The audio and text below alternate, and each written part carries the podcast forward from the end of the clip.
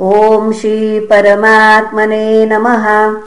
श्रीमद्भागवते महापुराणे पारमहंस्यां संहितायाम् षष्ठस्कन्धे पञ्चमोऽध्यायः। श्रीशुक उवाच तस्यां स पाञ्चजन्यां वै विष्णुमायोपबृंहितः हर्यश्वसंज्ञानयुतम्। पुत्रा न जनयद्विभुः अपृथग्धर्मशीलास्ते सर्वे दाक्षायणानृप। पित्रा प्रोक्ताः प्रजा सर्गे प्रतीचीं प्रययुर्दिशम्। तत्र नारायणसरस्तीर्थम् सिन्धुसमुद्रयोः सङ्गमो यत्र सुमहन्मुनिसिद्धनिषेवितम् तदुपस्पर्शनादेव विनिर्धूतमलाशयाः धर्मे पारमहंस्ये च प्रोत्पन्नमतयोऽप्युत तेऽपि रेतप एवोग्रम् पित्रादेशेन यन्त्रिताः प्रजाविवृद्धये यत्तान् देवर्षिस्तान् ददर्शः उवाच चाथ हर्यश्वा कथम् स्त्रक्षथ वै प्रजाः। अदृष्टान्तम् भुवो यूयम् बालिशाबतपालकाः तथैकपुरुषम् राष्ट्रम् बिलम् चादृष्टनिर्गमम्।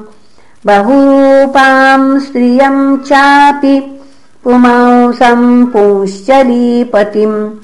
नदीमुभयतो वाहाम् पञ्च पञ्चाद्भुतम् गृहम्।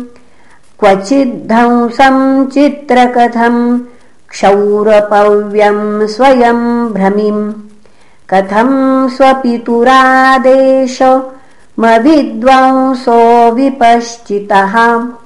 अनुरूपमविज्ञाय अहो सर्गम् करिष्यथ।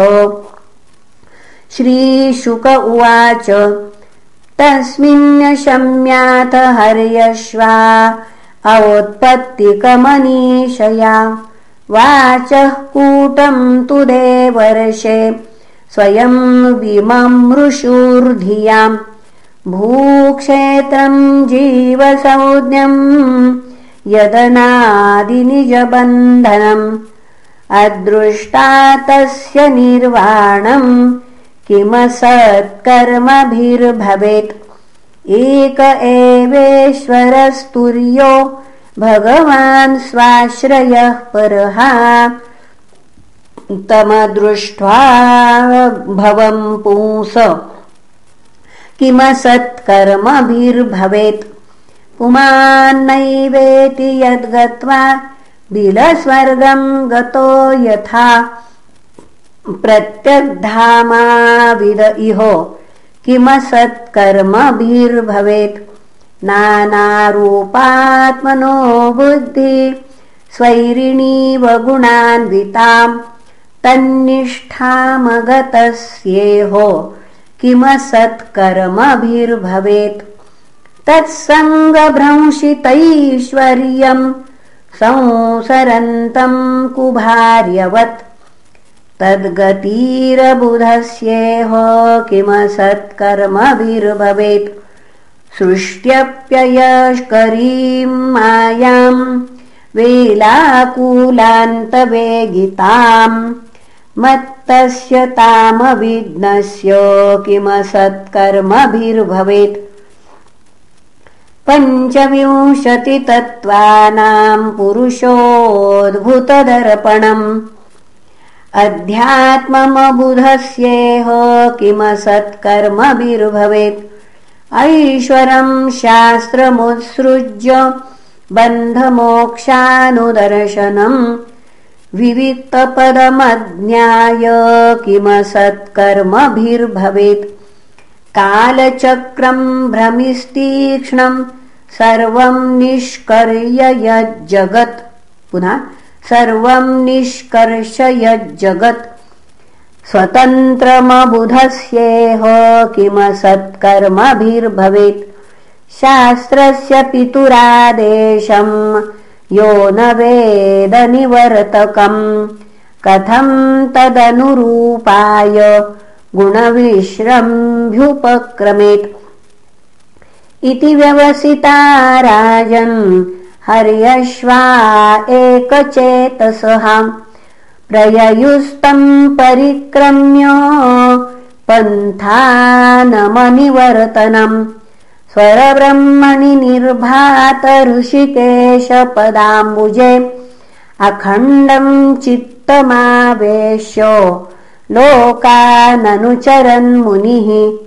नाशम् निशम्य पुत्राणाम् नारदाशीलशालिनाम् अन्वतप्यत कशोचन् सुप्रजस्त्वम् शुचाम् पदम् स भूयः पाञ्चजन्यायामजेन परिसान्वितः। जयन यद्दक्ष शबलाश्वान् सहस्रशः। तेऽपि पित्रा समादिष्टाः प्रजा सर्गे धृतव्रताः नारायणस्वरो जग्मुर्यत्र सिद्धा स्वपूर्वजाः तदुपस्पर्शनादेव विनिर्धूतमलाशयाः। जपन्तो ब्रह्म परमम् ते पुस्तेऽत्र महत्तपः अभक्षा कतिचिन्मासान् कतिचिद्वायुभोजनाः आराधयन् मन्त्रमिममभ्यस्यन्त इडस्पतिम्। ॐ नमो नारायणाय पुरुषाय महात्मने विशुद्धसत्त्वरिष्ण्याय महाहंसाय धीमहि। इति तानपि राजेन्द्र प्रतिसर्गधियो मुनिः। उपेत्य नारदः प्राहो वाचः कूटानि पूर्ववत्। दाक्षायणा संशृणुत गदतो निगमम् मम। अन्विच्छतानुपदवीम् भ्रातॄणाम् भ्रातृवत्सलाः भ्रातॄणाम् प्रायणम् भ्राता योऽनुतिष्ठति धर्मवित्। स पुण्यबन्धुपुरुषो मरुद्भिः सह मोदते। एतावदुक्त्वा प्रययौ नारदो मोघदर्शनः।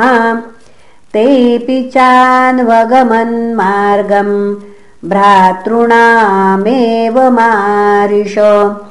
सध्रीचीनम् प्रतीचीनम् परस्यानुपथम् गताः। नाद्यापितते पुनः नाद्यापिते निवर्तन्ते। पश्चिमायामिनीरिव एतस्मिन् काल उत्पातान् बहून् पश्यन् प्रजापतिः। पूर्ववन्नारदकृतम् पुत्रनाशमुपाशृणोत्। चुक्रोधनारदायासौ पुत्रशोकविमूर्च्छितः देवर्षिमुपलभ्याय रोषाद्विस्फुरिताधरः दक्ष उवाच। अहो असाधो साधूनाम् साधुलिङ्गेन असाध्वकार्यर्भकाणाम् भिक्षोर्मार्गः प्रदर्शितः ऋणैः श्रीभिरमुक्तानाममीमांसितकर्मणाम्। विद्यातश्रेयसः पापो लोकयोरुभयोः कृतः। एवम् त्वम् निरनुक्रोशो बालानां मतिभिर्धरेः। पार्षदमध्ये चरसि यशोहा निरपत्रपहाम् ननु भागवता नित्यम् भूतानुग्रहकातराः। ऋते त्वाम् सौहृदघ्नम् वै वैरङ्करमवैरिणाम् नेत्थम् पुंसाम् विरागः स्यात् त्वया केवलिनामृषाम्। मन्यसे यद्युपशमम् स्नेहपाशनिकृन्तनम्। नानुभूय न जानाति पुमान् विषयतीक्ष्णताम् निर्विद्येत स्वयम् तस्मान्न तथा भिन्नधीः परैः यन्नस्त्वम् कर्मसन्धानाम् साधूनाम् गृहमेदिनाम् कृतवानसि दुर्मर्शम् विप्रियम् तव मर्षितम्। तन्तु कृत पुनः तन्तु कृन्तन यन्नस्त्वमभद्रमचरः पुनः तस्मान् लोकेषु ते मूढ न भवेद्भ्रमतः पदम्। श्रीशुक उवाच प्रतिजग्राह तद्बाढम् नारदः साधुसम्मतः।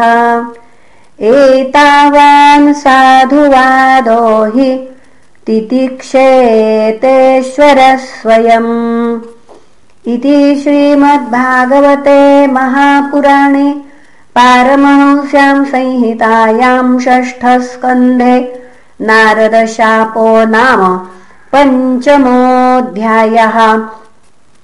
श्रीकृष्णार्पणमस्तु। हरये नमः हरये नमः हरये नमः